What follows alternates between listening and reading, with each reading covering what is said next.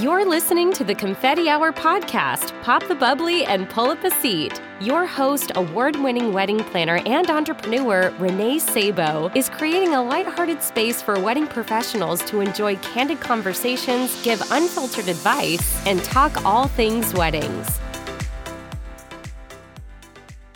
Confetti Hour Squad, I am so excited to share that we are on Patreon, which is a platform that allows you to join in and support our podcast through a monthly membership of $3 per month to help support our show. Your support goes towards the professional maintenance of the show, allowing us to continue to bring on reputable wedding professionals weekly to share their incredible journeys and tangible tips to help professionals like you and me elevate our services. I hope you will consider this small contribution to help our show, and you can head on over to patreon.com slash the confetti hour to check out more details about becoming a patron. Ship of $3 per month to help support our show. Your support goes towards the professional maintenance of the show, allowing us to continue to bring on reputable wedding professionals weekly to share their incredible journeys and tangible tips to help professionals like you and me elevate our services. I hope you will consider this small contribution to help our show, and you can head on over to patreon.com slash the confetti hour to check out more details about becoming a patron. Welcome to this week's episode of the Confetti Hour podcast. I'm your host, Renee Sabo, and I am very excited because I have a very special guest chatting with me all the way from Florida. I am sitting down with Keith Willard of Keith Willard Events and Behind the Veil. Keith Willard is the owner and head planner of Keith Willard Events, a Palm Beach event planning company. Keith comes from a long lineage of luxury experiences. As a previous director of catering for the Ritz Carlton, Bal Harbour, and the One Hotel, he knows how to work with his couples and vendors to ensure a seamless event. You will hear all about Keith's journey, and he will also be sharing his insight on red flags for planners. It's a conversation that I am truly excited for you to tune in and listen to. Keith and I did not sugarcoat a darn thing. We will finish up with what he wishes other vendors knew, and of course, his confetti hour confession. Without further ado, please help me welcome Keith. Hi, Keith. Welcome. How are you? I'm good. It's so good. Thank you so much for bringing me on the show. I'm so excited about this. Are you kidding me? Thank you for coming on. I'm so honored. We had a blast when I came on your show. I loved it. And so I can't wait for you to tell people all about that in a little bit. But yeah, no, I'm really honored to have you here. And we're going to be chatting about your journey. I get to hear all about you, which I'm excited because it's the tables are reversed now, right? So Yep. you got to hear about me, but now it's your turn, my friend. and we're also going to be chatting about red flags for planners and when to walk away, which I just ugh, cannot wait to talk about this with you specifically because I want your advice. I love it. There's so many. Anyways, They really are. And because I have a hotel background, I used to be a director of catering for a hotel. I can give you both sides. I'm going to give you red flags for for both sides of that. Keith, I used to work at a hotel and a venue here in Boston. So I feel like we're going to have a really good convo. Oh my God, we are totally sisters. Yeah, I love it. I still tell Brooke. I know, right? She's God, she'd be like, oh my, that's Brooke, my assistant. Anyways, okay, well, to dive in, why don't we start with your journey and just kind of tell me how you got into this crazy world of weddings and events? Well, it's kind of interesting. Everybody has kind of a, their backstory about how why they do what they do. And I mean, I really love doing events. I love everything about doing events. I think that if it's corporate, if it's social, they both have kind of the same kind of reasoning is that you want to bring joy and some fun into people's lives. And I feel like that is the bottom line for most events is that, you know, it's informational, it's fun, it's enjoyment, it's something that is out of people's norm, you know, to bring something that is a, a memorable event. And I started this world. Actually, I was an executive director for a, a nonprofit in Dallas, Texas called Immunicize, which was a health and health and wellness program for people with HIV and breast cancer. And so the idea was that if they people did nutrition and exercise, that it helped their bodies better fight off these diseases. And of course, it was during the whole step aerobics craze. So yes, I used to be in step, yes step aerobics, and and oh yeah, oh yeah, Oh, I have pictured this. a Wait, that be your bit. bio No, no, picture? no. Right, exactly. Oh, I, I was hot. I have to tell you. I mean, I, I was you freaking still hot. are. You're the Uh, best. no, no, I'm telling you, I was like 25 or 23 years old and like 6% body fat was stupid good. Oh my God, that's amazing. anyway, but you know what? So exactly. So, but when you're in charge of a nonprofit, the best way to make money is by putting on events. So invite people to do something. And also because I was in the nonprofit world, you have to make the most out of your budget. There right. are no yeah. slush funds for when it comes to nonprofits. And the other, then the third part is, is that people look at your books. So afterwards, making sure that all of your expenditures are absolutely correct and that, you know, there wasn't a huge percentage of your event that went to overhead or costs, that most of it was, you know, actually raised money. In other words, if you, if you threw a party and it cost you, you know, $50,000 to produce it and you only made 60,000 and you only have $10,000 profit, well, was that event worth it? Well, the answer is no, right? That's where I started. Yeah, that's really interesting. One of my past planners that I work with, oh, you should have her on your podcast yes. channel. Absolutely. Awesome. But we did a lot of nonprofit galas and fundraising events. And we even did some ongoing management for nonprofits because it's a lot of work for them. It's a lot of work. So I definitely resonate with what you're saying. Like you're, it's a whole nother side of watching an operation and kind of managing that side with finances in mind. So I imagine it's helpful for what you do now. Well, and the, the interesting thing is, I had done this event called, oh, actually, I look up as, at the poster, Jungle Gym, because I still actually have the one of the original posters up on my wall. It was this event called Jungle Gym, and it was, you know, discover your wild side. You know, hello, it was 90s. It was discover your wild side. Anyway, so that sounds amazing. And I it was amazing. and I actually had it at the Dallas Arboretum, which is this huge garden club that had this like 10,000 square foot wood floor that had huge planes of glass that looked out into this gorgeous arboretum. And so we, it was all lit up and we had a big dance thing going on and it was awesome. And there was a gentleman named Russell. Of course, I can't think of his last name right now, but he had a company called, oh gosh, what was it called? Oh my goodness, feature presentation. Sorry about that. Oh, nice. Right. Yeah. So I love it. Yeah. His name was Russell Holloway with feature presentations. And he had come to the event and he had said, you know, who did this? And I said, well, I did. Well, who designed it? And I said, well, I did. And he said, well, who handled the logistics? And I said, well, I did. And he goes, he goes, he goes, you didn't have a team, you didn't have volunteers. And I said, well, I have volunteers at the entrance and I have volunteers selling tickets. I said, but as far as creating the event, the logistics, all the photography, the design, all of that, I said, that was me. And he said, well, this is super impressive and I want you to come work for me. Oh and my goodness. How cool. Yeah, right? So, and he was doing events all over the world, huge, huge, huge events all over the world. And so I put in my resignation like literally the next week. Well, actually, I can't say that. That's not true. Actually, it took me a month to transition over to him because I wanted to make sure that I left the nonprofit in a good place. And so I actually merged it with a larger nonprofit. So it would make, oh. I could make sure that the, the programming continued at a high level. So That's I didn't want people to think I just like ditched this nonprofit that I had so much love for, but because I didn't, I, you know, I made sure that and that's one of the things I always do. I always try to make sure that whatever I'm involved in, that I hand it over to somebody that I think will take care of it because there's nothing worse than building something up and then having somebody else just take it over and it just fails miserably. And that's a whole nother conversation. Anyway, so I was with Russell, Russell Holloway with feature presentations. Our very first event was with Nokia and we were in London at the Grosvenor House. And so this is like literally, you know, I went from this little, little tiny nonprofit doing these little dance parties and, and, you know, the Dallas Arboretum to international travel where I was doing these huge and and we were doing the capital markets day for Nokia. And I remember it was like two o'clock in the morning. I'm of course exhausted. It's my first time doing an international event. And we realized that we're in the b- basement of this hotel doing a market capital markets day for the Nokia. And there was no cell service. Oh in the, goodness right? That's so you ironic. all of a sudden, right? Yeah. So you have a capital markets day event where all you have all these investors coming in to hear about the company, and yet they can't use their cell phone for a cell phone company.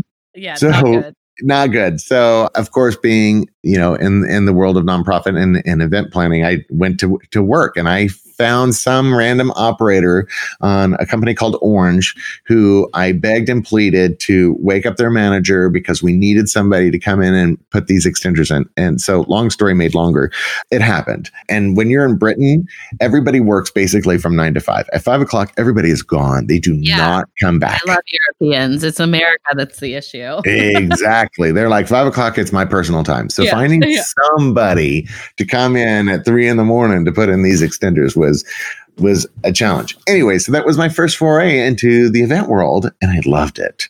Oh my you god, just dove right in. My goodness, ah, that is not a small production. no, it was the best. And then you know we traveled to 17 cities in like four weeks, and so we were on planes every other day doing these little sales meetings all over the country, and I just loved it. I loved the stress. I loved the travel. I loved all of it. I've never heard someone say, "I love the stress." I love that. I, I resonate with it because I like the adrenaline behind oh it. right? And there's always a little chaos and stress and adrenaline. Always. Yeah, which Always. is why we like we you Well, know, and the, and we're the buffer. And I tell people this all the time. It's like I'm the buffer between the chaos and the client. My job is to make sure that that chaos does not reach the client and that all they see is pretty, beautiful, amazing. That's it. They're not to be bothered with the logistics because that's my job. Anyway, exactly. so I love it.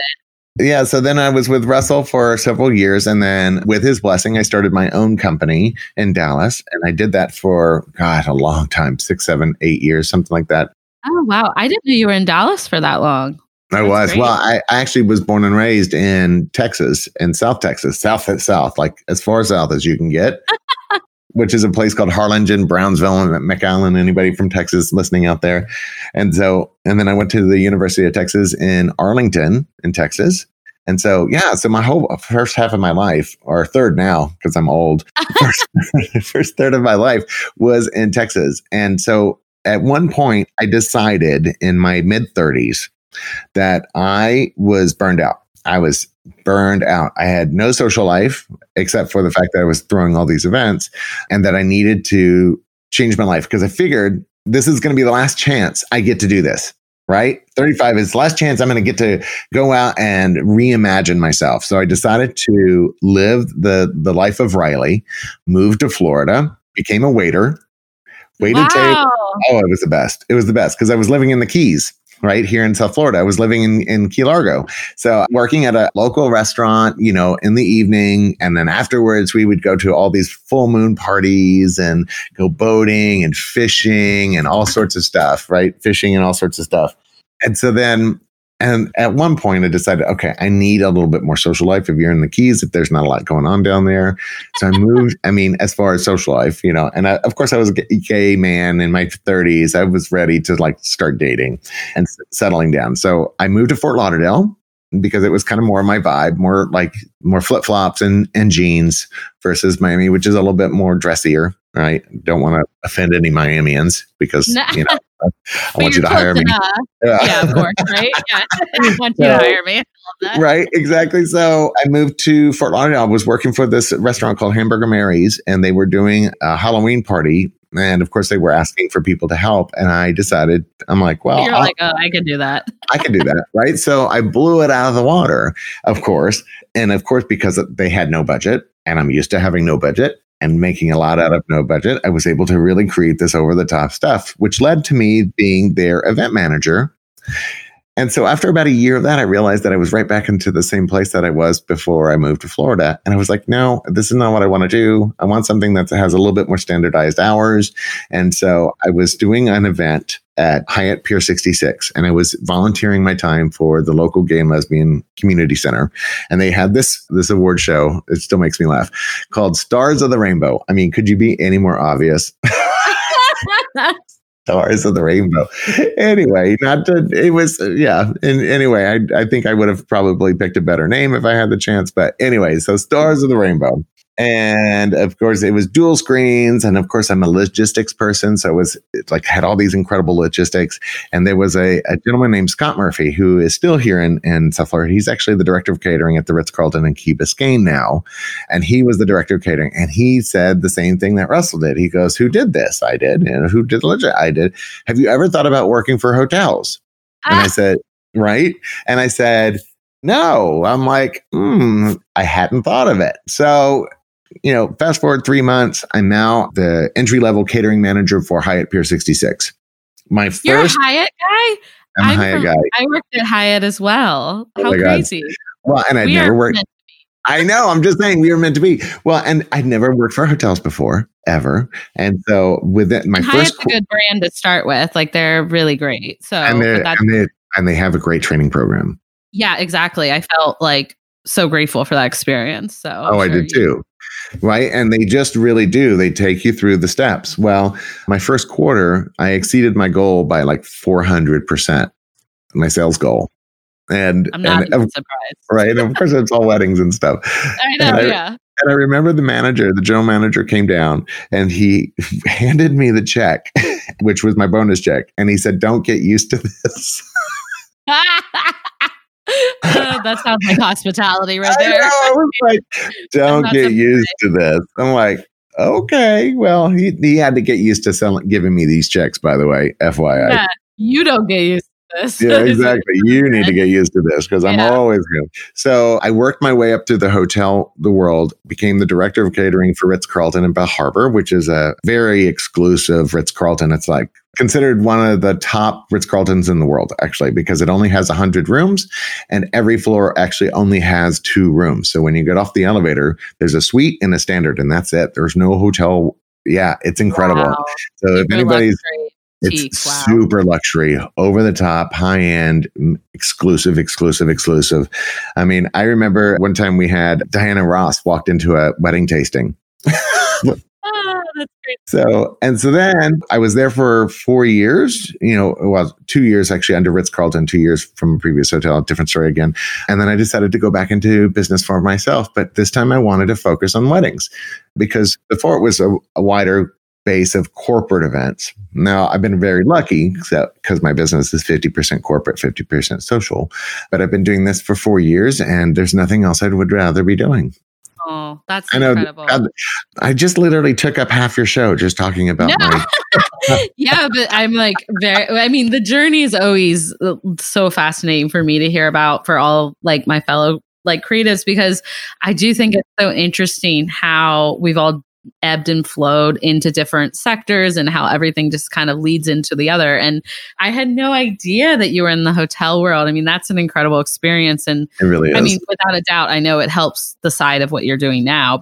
and you know, and honestly, what hotels, if they're going to be t- working with somebody like an event planner, they want to work with somebody that knows the hotel side of it, you know, because there's just a whole different world that happens on that side. And unless you're aware of it, and that's actually, I think I'm going to bring that up later when we talk about some of the, yeah. So, Yeah, I can't wait for that. and I know there's some tips on on both sides of that. So, you know, when to, to when to walk away from a client is on both sides, but ah, Yeah, right, I right. know it's incredible. So, yeah, Yeah, but you're so right. Like I learned so much at a hotel about the operations of a venue and I worked for a hotel and it's a nonprofit. I worked for the aquarium here in Boston. So, but the I know it's oh, very cool. Is that? You gotta come up to the East Coast. or you're on the Yes. East Coast, come up to Oh my god, I know. I need to just take a flight up. Everything's cheap right now, so it's like, oh my god. So you were at the Boston Oh, Aquarium?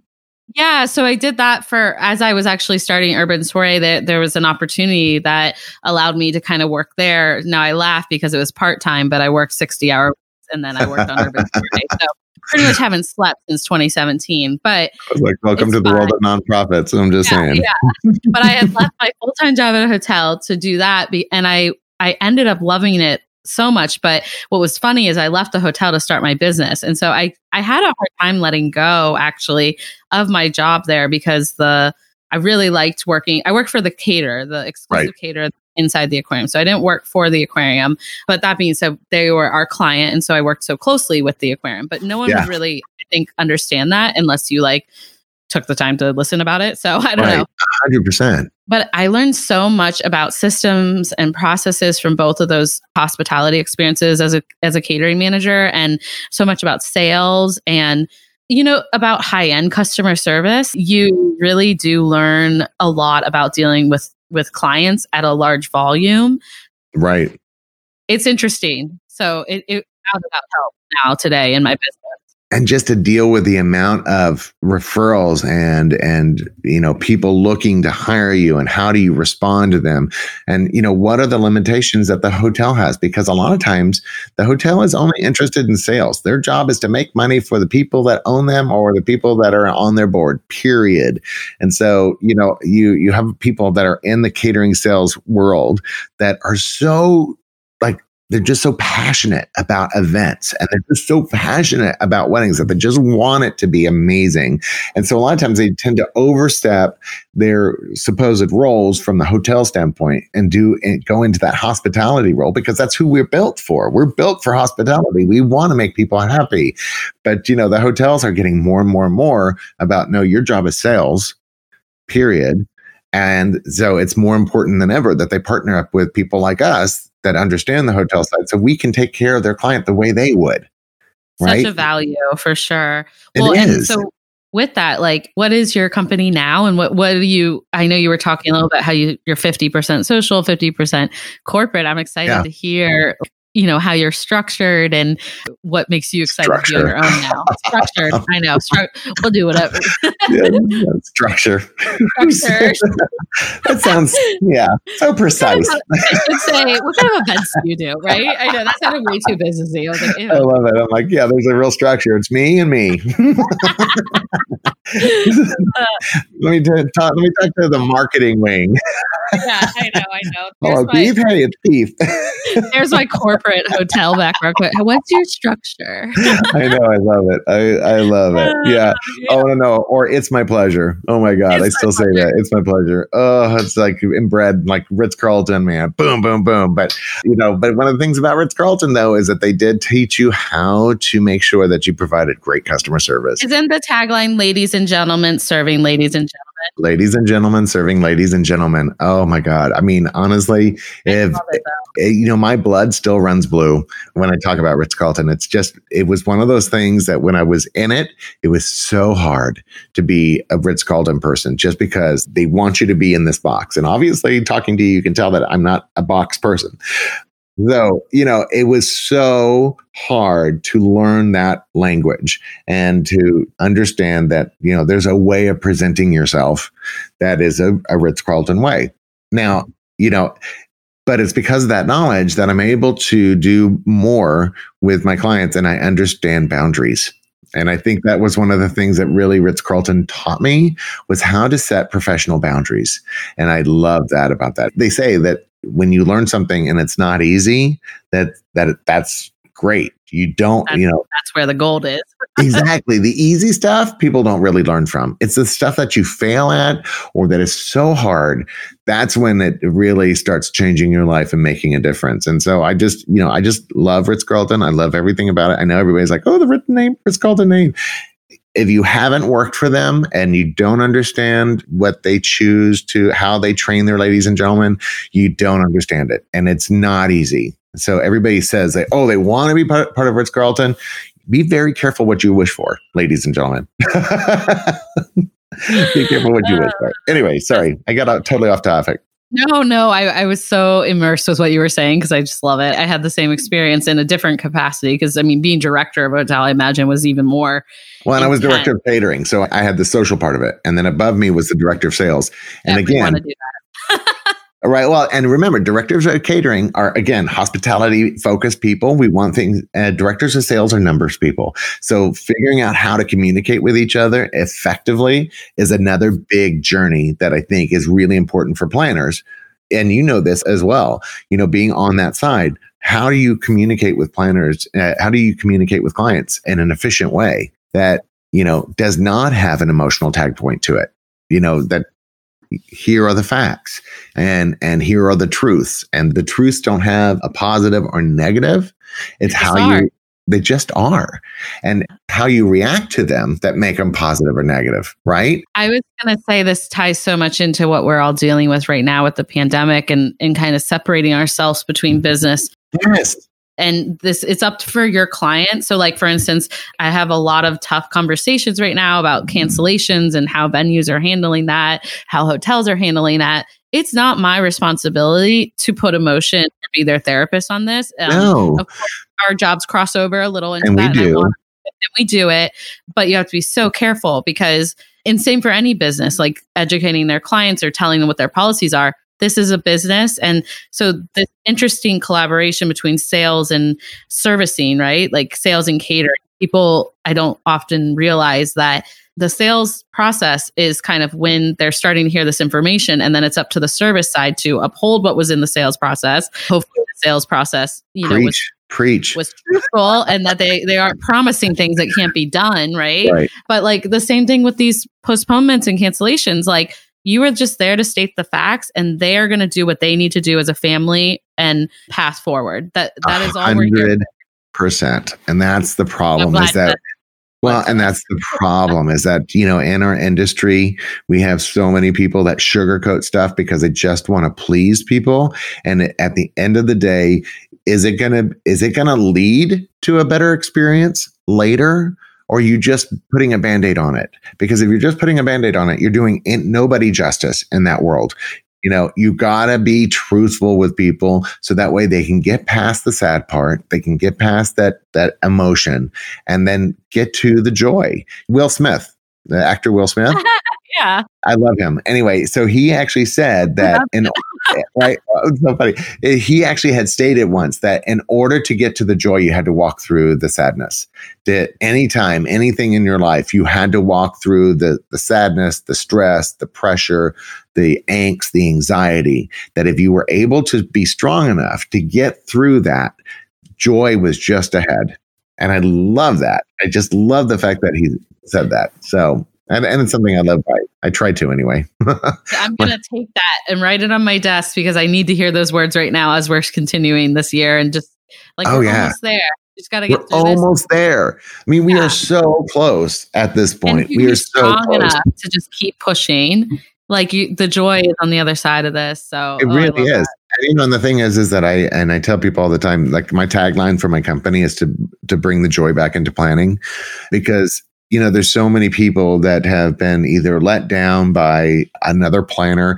Like a third a third of my business is based on me doing recovery for issues of another planner.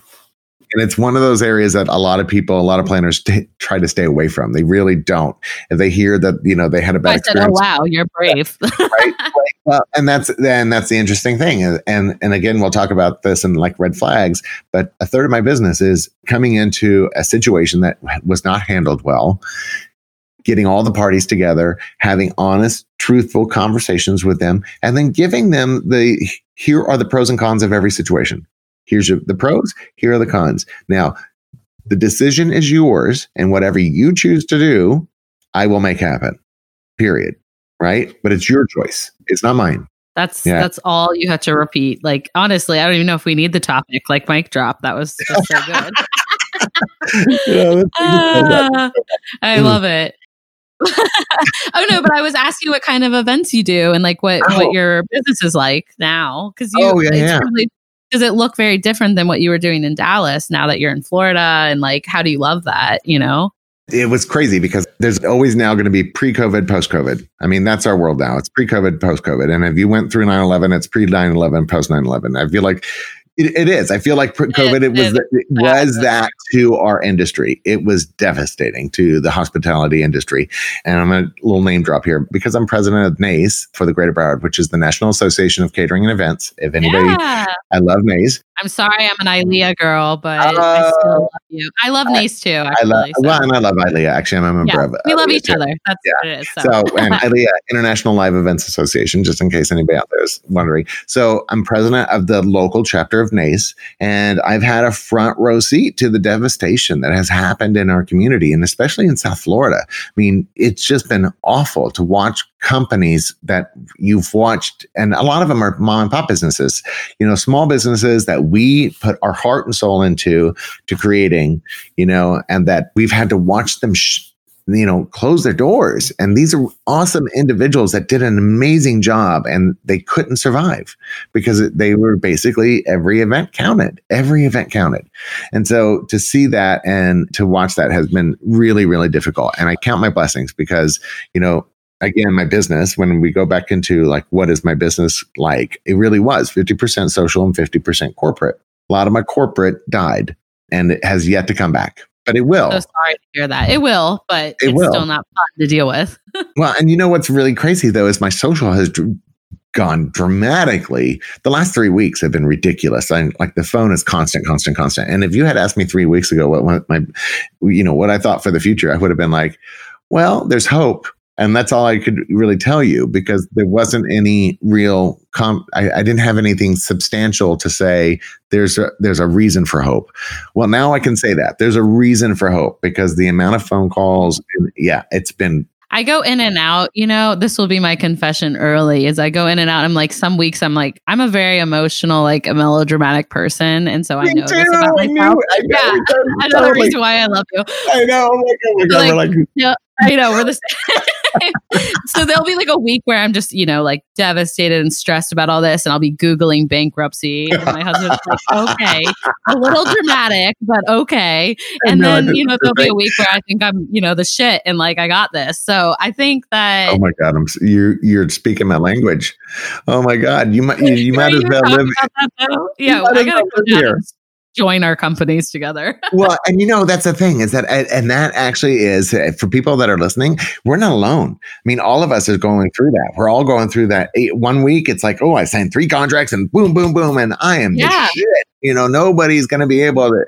And then the following week, the phone doesn't ring, and then you're like, what is wrong with me? What did I do wrong? And there's nothing wrong with you. There's nothing just, wrong. We're up against some really tough waters, and like, yeah that security blanket that we all used to have. Like I used to have so much control over my monthly cash flow, but as and I still do to a respect, right? You know, you get got things in your own control. But I have all of my clients through September, or I mean, I would say August right now, asking about what their celebrations are going to look like. And then, you know, it triggers changes to that.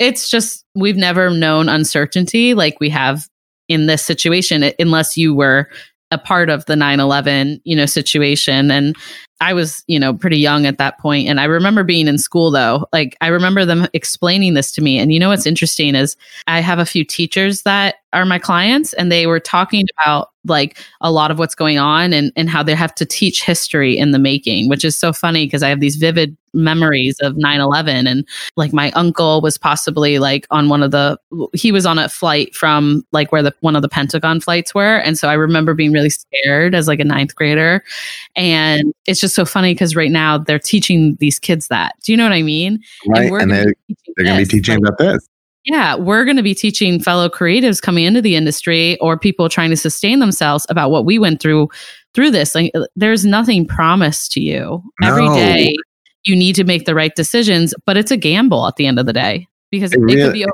tomorrow. So. Well, and they and they do say, you know, uh, being an entrepreneur, you know, and owning our own companies is, is exactly. You know, but there's nothing else I would rather do at this mm. point. There just isn't. You know, I mean, we gave up the safety and security of 501k or 401k, a weekly paycheck, a weekly blah, blah, blah, blah. But it's ours. This is mine. And even if, let's say, God forbid, a year from now, six months from now, I have to shutter the business because something else, God forbid, happens, you know what? So what? Because I created something and I made a difference in people's lives. And at the end of the day, I think that if, if you're an event planner and you feel like you've made a difference in somebody's life, then you did your job right. You know, I don't feel like if, if an event planner uh, really understands the fact that they have a significant role in creating the most amazing memory for people that they will forever remember, that you should not be in this business. The only reason you should be an event planner is that you want to make sure that their one day is perfect because you want them to have that memory forever and ever. And if you don't have that that passion, that joy, that enthusiasm, get the hell out of this business. we work way too closely with our clients to not have that be one of the major reasons why we love what we do you know? It just doesn't it doesn't make sense to me why someone would want to be on the side of events that we're on. If you if you want to just deal with the pretty decor you know go work for a rental company or a florist like right. find find your joy. yeah find your joy and then be good at it and stay true to yourself. I like it. But no i guess i'll lead us into wow. the topic. What were we talking about I I I know it's partially my fault. I egg it on, so we're like, gonna have to put this into two different shows. I know. But anyway, so for the topic, like I'm excited to talk about this with you because you have such a wealth of knowledge, both being on the hospitality side, but all, I mean, we're all in hospitality still, I should say, both on the hotel side as an event planner, but also as a nonprofit. I'm like, I'm kind of like, oh my goodness, my brain could explode. but like you service all these different types of clients, and I have over my career too. So I'm excited to talk about like what are these like red flags for like fellow planners, and I do think other vendors can can really like listen in 100%. on this too but like, how do you know when to walk away? And like, what does this look like? I guess, like for you, when you start to get these red flags, like, what are they? And then, you know, when is it just like we're not going to come to an agreement? Or do you, is it right away? Do we walk away right away? Like, if you see one red flag? Because I hear this, I see this pop up in Facebook groups all the time. And I'm like, there's no black and white answer to this. Like, it feels really like isn't. there isn't. I mean, like, it's a gray area. And I think everything is circumstantial. So, yeah, I don't know. What are your thoughts on it? I'm excited to hear. well, okay. So it's interesting because I did this show like 10 years ago when I was, or six years ago when I was at actually Ritz Carlton. I had this TV show called Ideas to I Do, Follow Me Around for a wedding. And it was kind of an interesting thing. And the, and one of the, this actually came up with, you know, follow your gut, right? And it was actually, the topic was when choosing vendors, what do you do? And I said, trust your gut. Your gut will tell you immediately whether or not you need to be able to trust this person or not. There's just something that happens when you're intuitive. And I think that it, that's the big one is that you need to be a little bit intuitive. And I do that. I trust my gut. If I'm talking to somebody on the phone and I get this weird like vibe, I'm like, I immediately all of a sudden my calendar's full. Whoops. oh, sorry, we don't you have know, that data available. No, I'm just kidding. you know, and, or I say, you know, unfortunately, I can't personally be there, but one of my team members can absolutely take care of this, or you know, something that puts them on. The second thing is that if they start negotiation, like if they start negotiating with, we've talked to several planners, and they're less expensive than you. Oh, my favorite line not.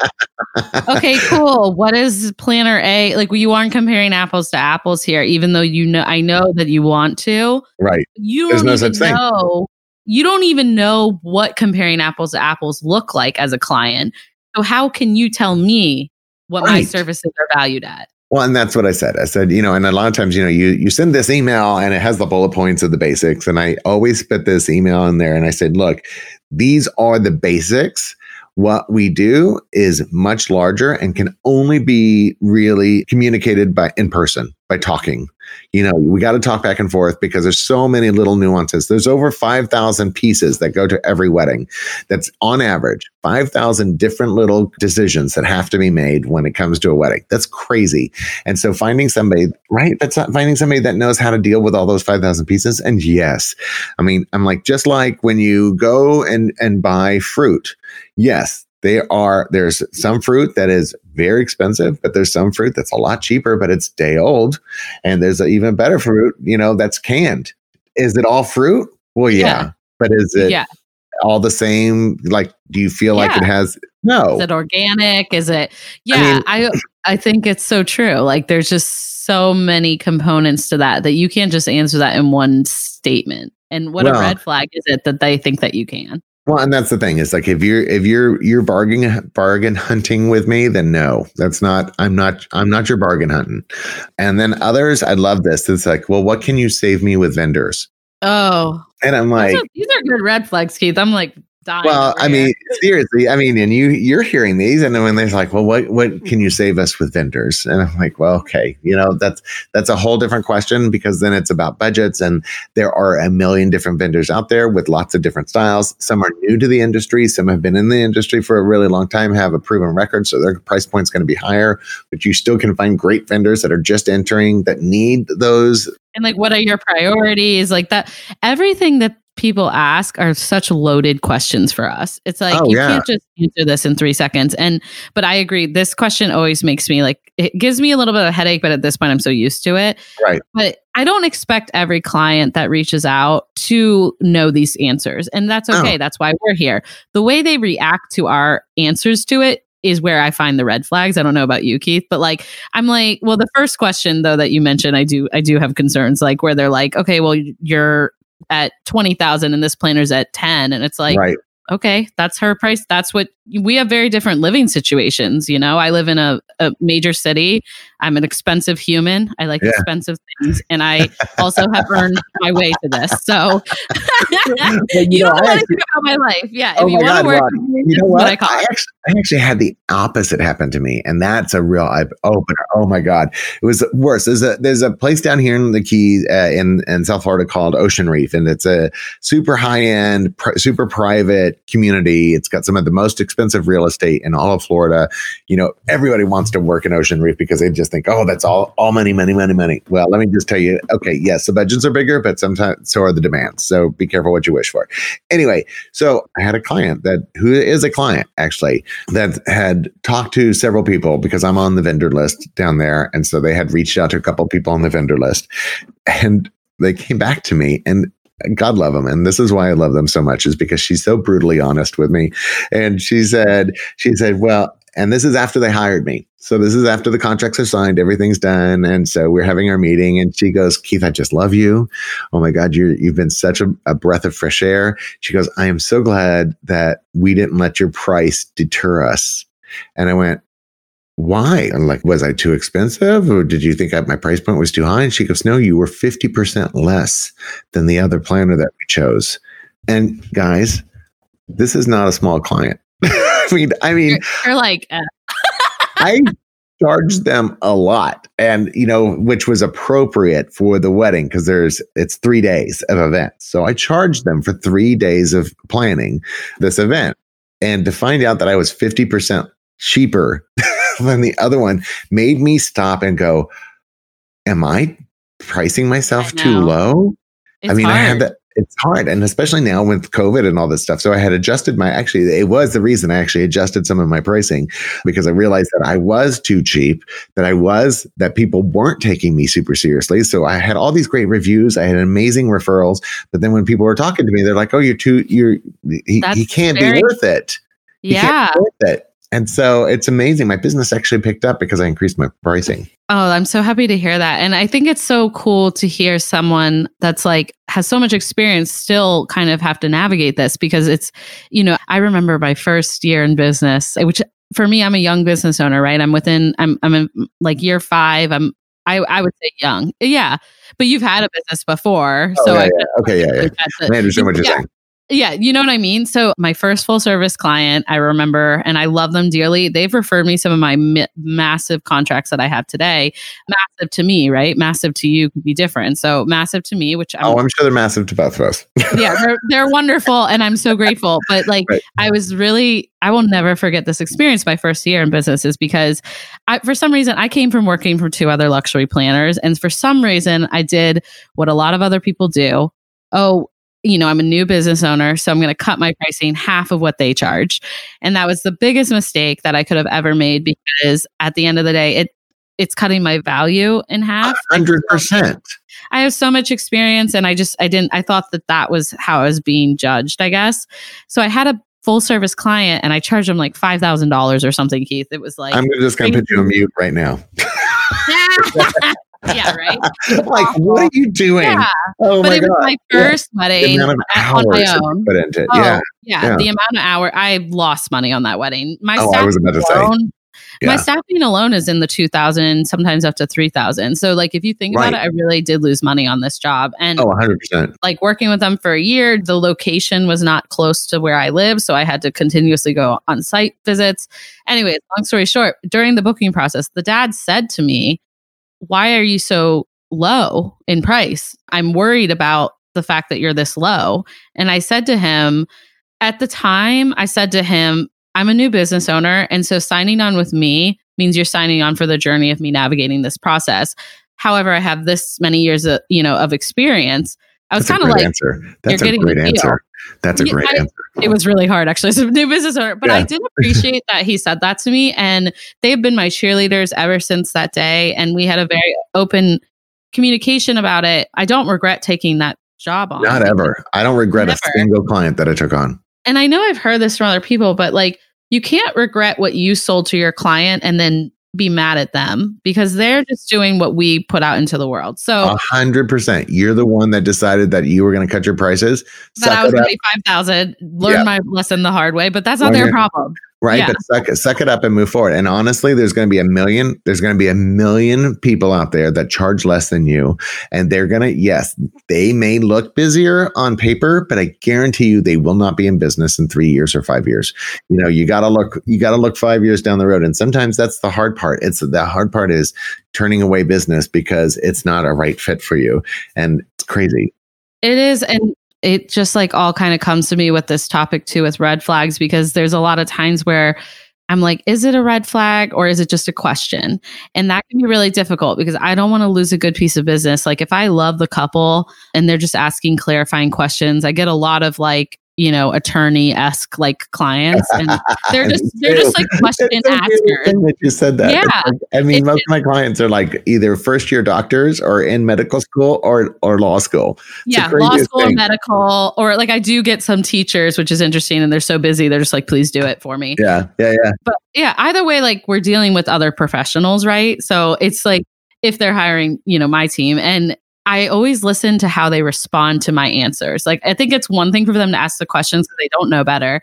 But yeah. when I reply and I put my foot down and I say, this is what we can change, or I'm happy to compromise and meet you here, or no, I'm not willing to do that. The way they reply to me is when I'm like, okay, if this is a continued red flag, yeah. I'm not going to work with you. But if they're like, thank you so much for explaining it, we have a better understanding now, we agree to meet here in the middle, or we agree to your terms, to me, I'm like, that was just a conversation. It's a business.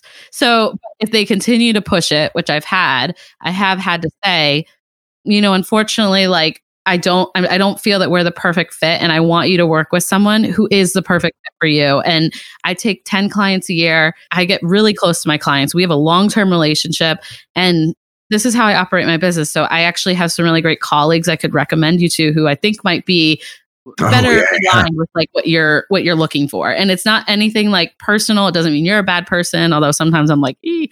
and I try not to send I Like, try not to send bad people to good to my colleagues. Like I if like that's it. the you know. I absolutely not. I mean, even if it, even if it's a a bad real red flag, I'm not sending them any recommendations. I'm like, Exactly. you good luck finding a planner to work with you. Right. You're like, I'm absolutely not sending you to anybody because it'll come back, even the people I don't like as much.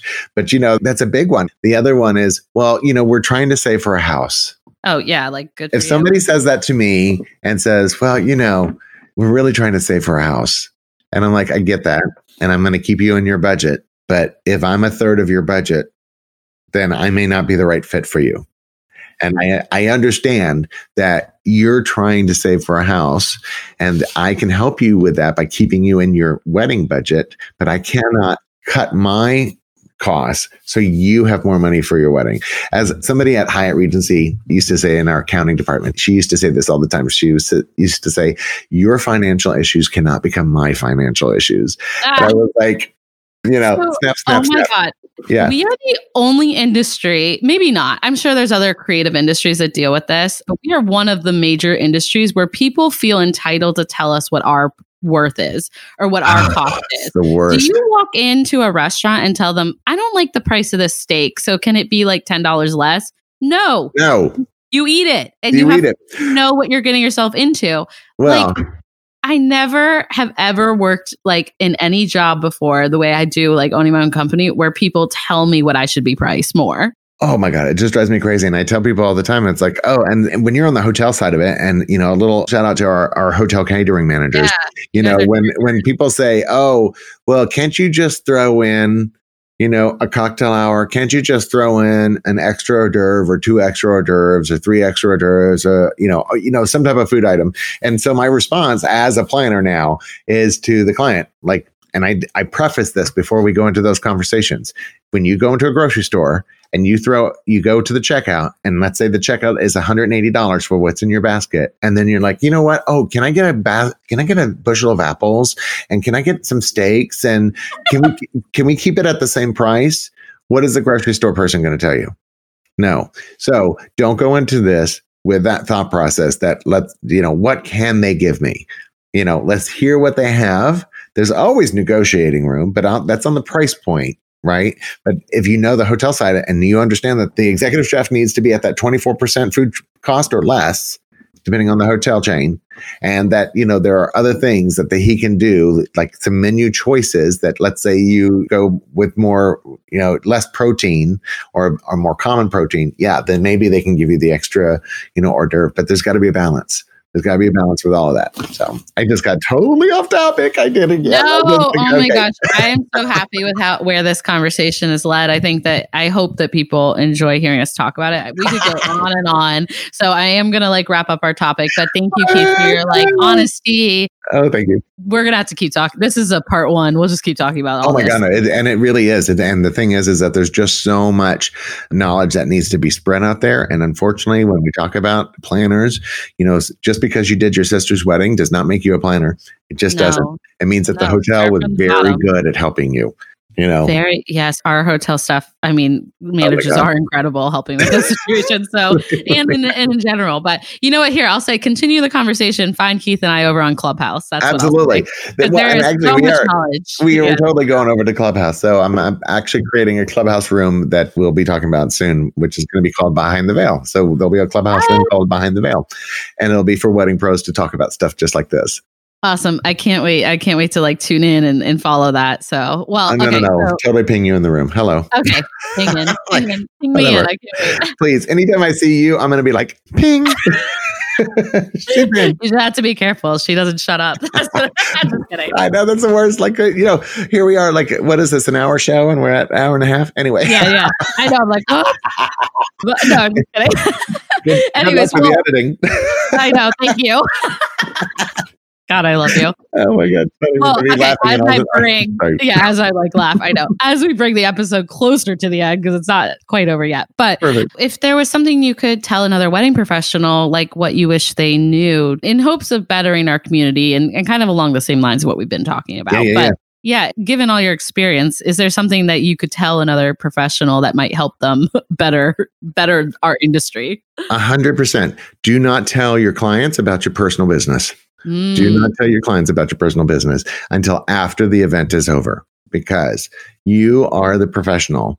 And when you're d- trying to build boundaries, telling people like, "Oh, I've had the worst day. My husband just left me. My dog just died. My car just broke down," they don't give a shit. They really don't. And they can I say shit? Okay. Anyway, yeah, you might have to like you know, say shit. Don't worry. Okay. okay. Right. But they they to be honest, they obviously everybody you know you would hope that people care but these people hired you for to put on their event. They did not hire you to listen to your sob story or to hear about how bad life is or how bad your business is.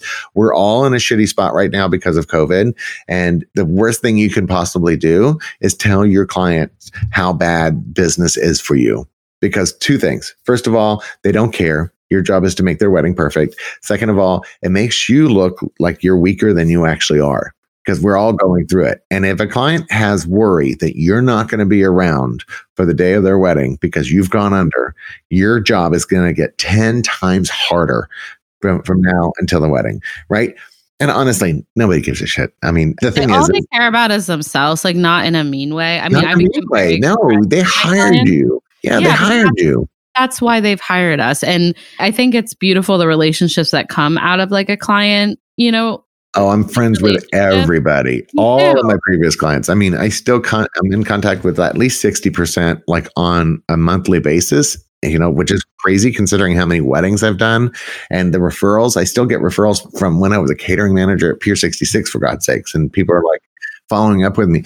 But that's after the wedding. After. We yeah. built the relationship after the wedding. Yes, you get very close to people and you learn all their deep, dark secrets. Oh my God. the, the crap that you hear about Edna and her drinking problem and and double double dipping Eddie and like all of these crazy little like you know you learn oh, yeah. so much about their family. First of all, don't repeat anything that you learn about their family. Just don't exactly. because that That's I feel confidential. it's confidential. Oh my God, it's so confidential. I feel like people forget that that it's confidential. That you need to you need to honor the privacy that you have with your clients.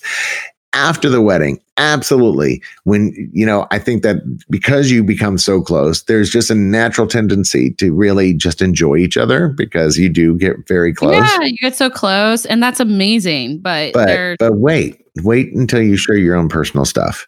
You know you want to make sure that they only have to focus on their big day and that you and you're you're supposed to be the strength. You're supposed to be the stone that keeps everybody solid. If you look shaky then everything else gets shaky afterwards fine like i just did a wedding for oh my god i just i love lola lola mildren anyway if she's listening i love lola anyway so she was four months pregnant at her wedding so we had to redesign her wedding dress and everything to hide her baby bump because nobody knew even though we did make the announcement at the end of the wedding which everybody was shocked because they were like couldn't believe that's she so was cool. I, Right? lo- I love that surprise. Like, Oh, okay. it was the best. It was the best. And we just did this wedding like six weeks ago. So there was all sorts of extra that, you know, to keep people safe during COVID. And now I'm doing the baby shower. Now the baby shower is a much different, right? It's cool, but it's a much different process because it was after the wedding. We had already started being close as far as sharing, sharing personal information.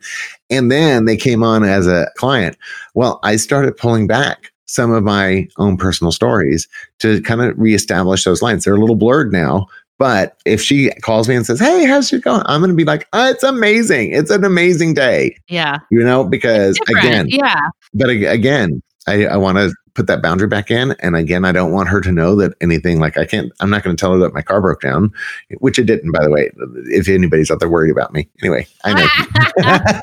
I know I definitely love that this is what you wish other crews knew because I actually like I cross over a lot with my clients. I get really close to them. Some Right. of them find me because they know me or they know my family or something like that. Right. And I'm like to me, I like it's been a struggle, I guess, having to figure out that balance with them because I so want to yeah. Get- wine with them and get drunk or whatever, you know. I love a good dinner party, but at the end of the day, I just would want them to be able to speak to professional Renee, Renee what their experience was like working with me because then if they do refer me another client, they know exactly what they're going to get, which is how I am with all my clients.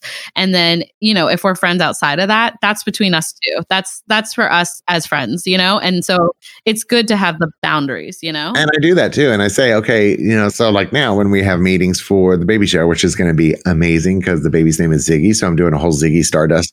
Stop. Swear to God. So David Bowie Ziggy Stardust. It's going to be incredible.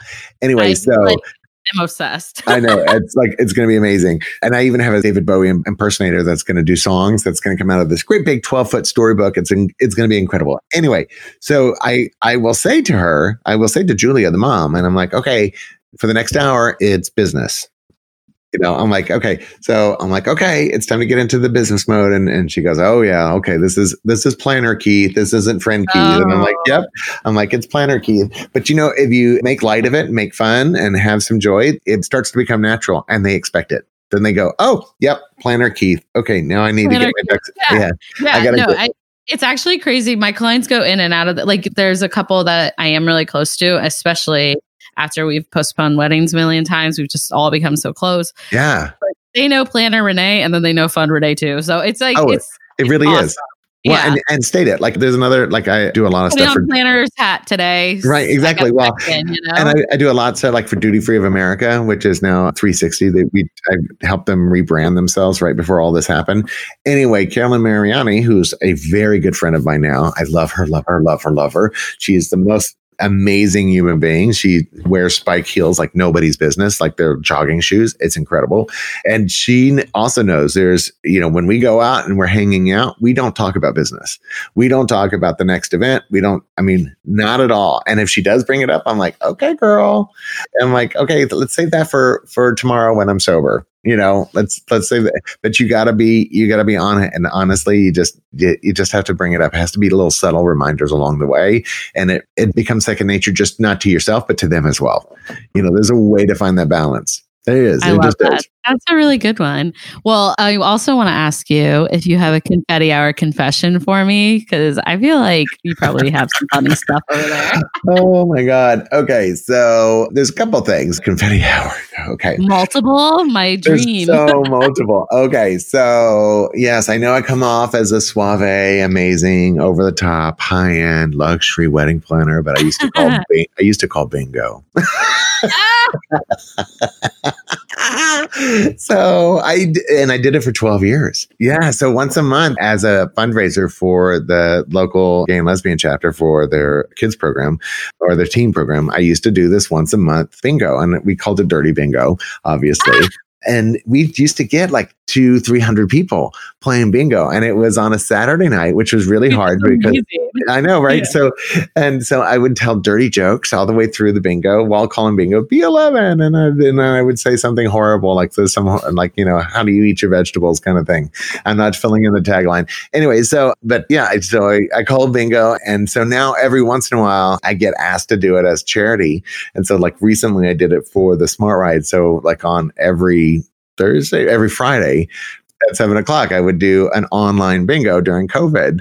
And so oh. it, was, oh. it, was, the same thing. And so, you know, it, and of course, everything was via Zoom. So, yeah, so I, I would call bingo. So okay, that's, that's an awesome confession, and it's so funny. And I like want you to come to ILEA and do that for us. I know, isn't that funny? well, because I feel like you know your confession doesn't have to be like, oh, you know, I I don't know, I didn't want to even say anything that came to my mind just then because it was all horrible stuff. Anyway, Ooh, go no, no, not not. No, but not, that's actually really good confession because I feel like I would never have known that about you that you do oh, that. Yeah. No, probably not. The other confession is I always get nervous before an event. I always, so I tell people not to what if themselves. You know, I'm a bit, I tell that to my clients constantly. Once you make a decision, don't look back.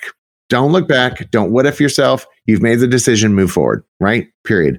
I what if myself to death. Oh my God. I what if myself to death. Like, what if, what if the weather's not great? What if this doesn't go wrong? What if the mother drinks too much? What if the, you know, what if I'm not feeling good that day? What if, I mean, it's the, oh my God, it's horrible. And I always worry that I'm not going to be enough the day of. And I always, always, always, always go above and beyond. And like my clients are always so like blown away by everything. They're like, you work so hard the day of the wedding. I mean, that's one thing everybody says across the board is like, you work so hard the day of the wedding to make sure it's perfect. I mean, I work hard beforehand, beforehand, but people don't really see the hard work. You know, they, they see it on site. Yeah. yeah. When you're on site and they see you sweating through your suits and you're like, you know, running and you're t- making sure everybody's taken care of and you're making sure grandma feels comfortable and that the, you know, the third sister doesn't feel jealous that it's not her day. I mean, it's, like, it's true. I think they can see it before their eyes, whereas we've been doing this the whole year. But right. I actually love that confession because I am right there with you. I ah, never oh, feel like I never go into it. Wow, there is a level of confidence. I'm like, okay, there we is. do have this. There is. There is this little like internal fear. Like, I get nervous. I guess is is yeah, I do because it's like you know this is such the stakes are so high for us as planners. The well, stakes are so so high, and it's it's it's normal. I think that we're nervous. It means we well, and I said that at the beginning of the show. If that if you're not truly passionate about what we do, if you're not there to make sure that their day is absolutely perfect above everything else, then you need to do another job. Get the hell out of this profession. Stop making it hard for the rest of us. You know, and that so, but with that passion and with that drive and with that want to make sure that their day is perfect comes a level of anxiety to make sure that you've got all the bases covered. And I feel like, you know, that's a that's a big one. And and it's of course big, yeah.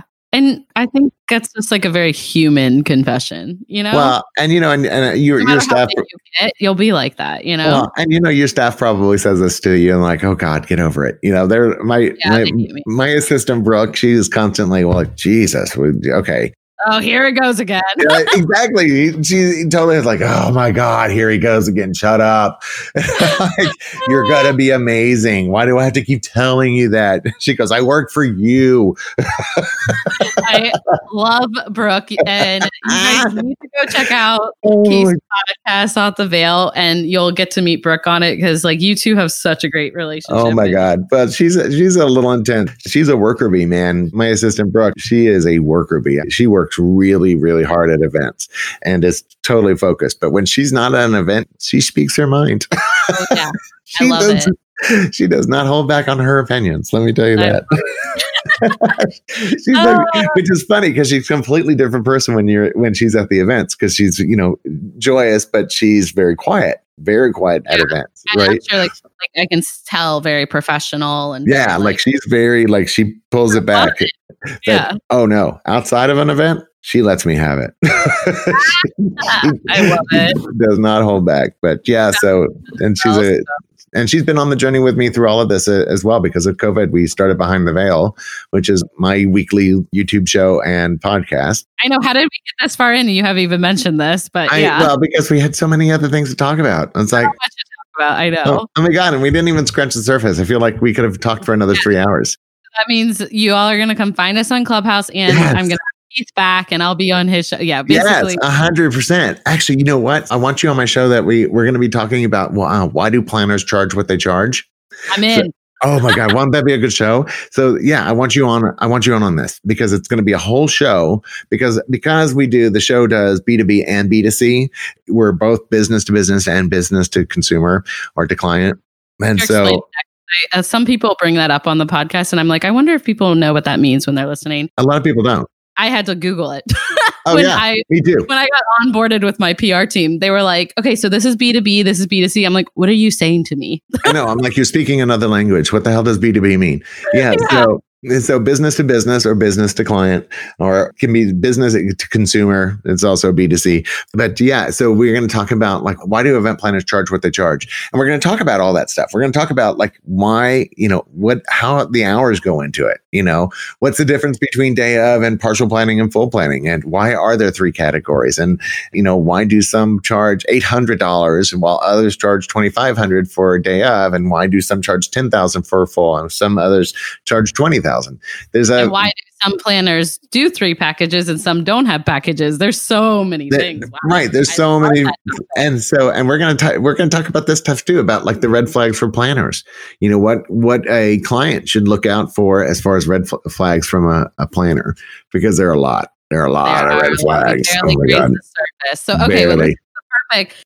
Not that it's a plug, but it could be a plug. You guys need to stay tuned for this episode. I'm so in.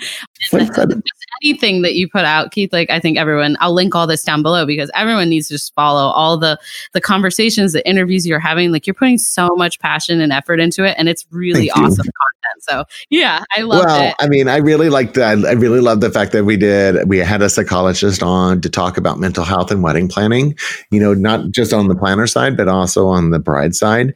And we've had two actually shows in mental health and, and wedding planning. Then the first one was about the loss of anticipated experience, which I thought was fascinating because brides have, you know, when they move their date, they still go through some depression. And I asked the psychologist, I'm like, why are they getting depressed? And, and, you know, their date is still there. And she said it's the loss of anticipated experience because they've been looking forward to having champagne and hanging out with the bridesmaids. And now that's been moved. And so that wedding blues. It's a real thing. it's a real thing. So I was there we so go. after my wedding, which also is like kind of a concern in America. Well, No, no, no. I- Well, and that's the thing. Also, I and we talk about this. I tell my brides this all the time. I say, you will get depressed after your wedding. You will, you will, you will. It doesn't matter. Everybody goes through it. It's normal. Do not think that it's like, oh, I've married the wrong guy. You just, you just are because it's hype, hype, hype, hype, hype, hype, hype, work, work, work, work, work, work, work, and then all of a sudden, you know. Well, and it's it's over, and and all all your friends have been like, "Oh, what are you doing for the wedding? What are you planning for the wedding?" Once you're married, you're just married. You're yeah, they don't have much to. I I mean, of course, like you'll have things to say, and then some people will get pregnant, and they'll have that well, to talk about. exactly. But No, And that's But- it. And that's the problem is that people don't know how to relate to each other. They don't know how to talk. And so most people are very nervous about opening up. And so the questions that they ask are based on things that they understand and that they know. And so everybody understands weddings. So of course I can ask you all about the wedding planning because I'm probably part of it or been through through it. But anyway, that's a whole nother Okay, well, now we just came up with a second Oh topic because I have horrible. so much to say about societal norms and what like, things should be these days. But A hundred um, percent. Anyway, anyway. sorry. Sorry. Well, I no, thank you so much for all of this like knowledge and input and just like I've just loved our conversation. Me too. So and I feel like we went to many places, so I'm sorry. it's okay. just- It's okay. It's gonna be wonderfully horrible to edit. I can't wait. I'm just kidding. it's gonna be awesome. It's gonna be awesome. Where can everyone find you though, so that they can uh, tune into like behind the veil and then also find all your work and whatnot? So super easy. You can for all social media, it's just at Keith Willard. That's K E I T H W I L L A R D, and that's Instagram, Facebook. What's the others? Yeah, Snapchat. Blah blah blah blah blah blah. TikTok. It's all at Keith Willard. You're not going to find anything on TikTok. Sorry. I just- Yes. Sorry, I grabbed I grabbed the name so nobody could have my name, but uh, there's no content anyway. But Facebook, Instagram, Snapchat, social media, all those things. It's all at Keith Willard, except for LinkedIn, which is at Keith Willard one. I don't understand why. I'm like so pissed. Anyway, and then the other one is at you know. So my website is at Keith Willard Events, and then if you want to tune into the podcast, there's YouTube, which is at. So if you go to YouTube.com backslash c backslash Keith Willard Events it'll take you to the live YouTube shows. And if you want to listen to the podcast, then it's www.bit.ly, bit.ly backslash the number four behind the veil. So bit.ly backslash the number four, four behind the veil. I'll link all this down below, make it super Yay! easy. But you guys got to go check out Behind the Veil and you got to just get to know Keith more because you're the best. So, Oh my God, thank you. That's so much fun. And that concludes this week's episode of the Confetti Hour podcast. Thank you guys so much for tuning in. Don't you guys love Keith? He is so much fun to talk to. You have to go check out Behind the Veil. It is a huge resource and a really awesome podcast and YouTube channel. As always, I'll link all this down below, and I can't wait to hear what you think of this episode. And before I go, I want to, of course, remind you to please subscribe so you can stay tuned for future episodes. And if you are tuning in on Apple Podcasts, I'm wondering if you would mind taking a few moments to leave a review for our show. I love hearing from you guys, and it's incredibly helpful as I continue to grow the podcast. And I really value your feedback. So please leave me a review, connect with us over on social media. You, you can find me over on Instagram at the Confetti Hour or the Confetti Hour Podcast on Facebook. And I am also on Clubhouse at Renee Sabo. I look forward to chatting with you guys soon and bringing you another awesome guest next Thursday. Bye, Confetti Hour Squad.